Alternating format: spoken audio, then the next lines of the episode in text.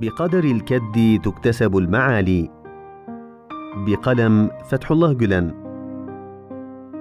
كيف تنتظر أن تنال ما ناله المعانون من أهل القلوب من الحظوة والقبول عند الله؟ هؤلاء احترقت قلوبهم وذابت من أجل القرآن وأنت لم يحترق قلبك من أجله مرة واحدة.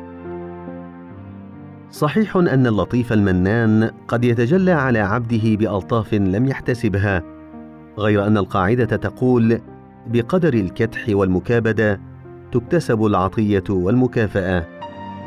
اذا بادر إلى إحياء الليالي بالتضرع والابتهال.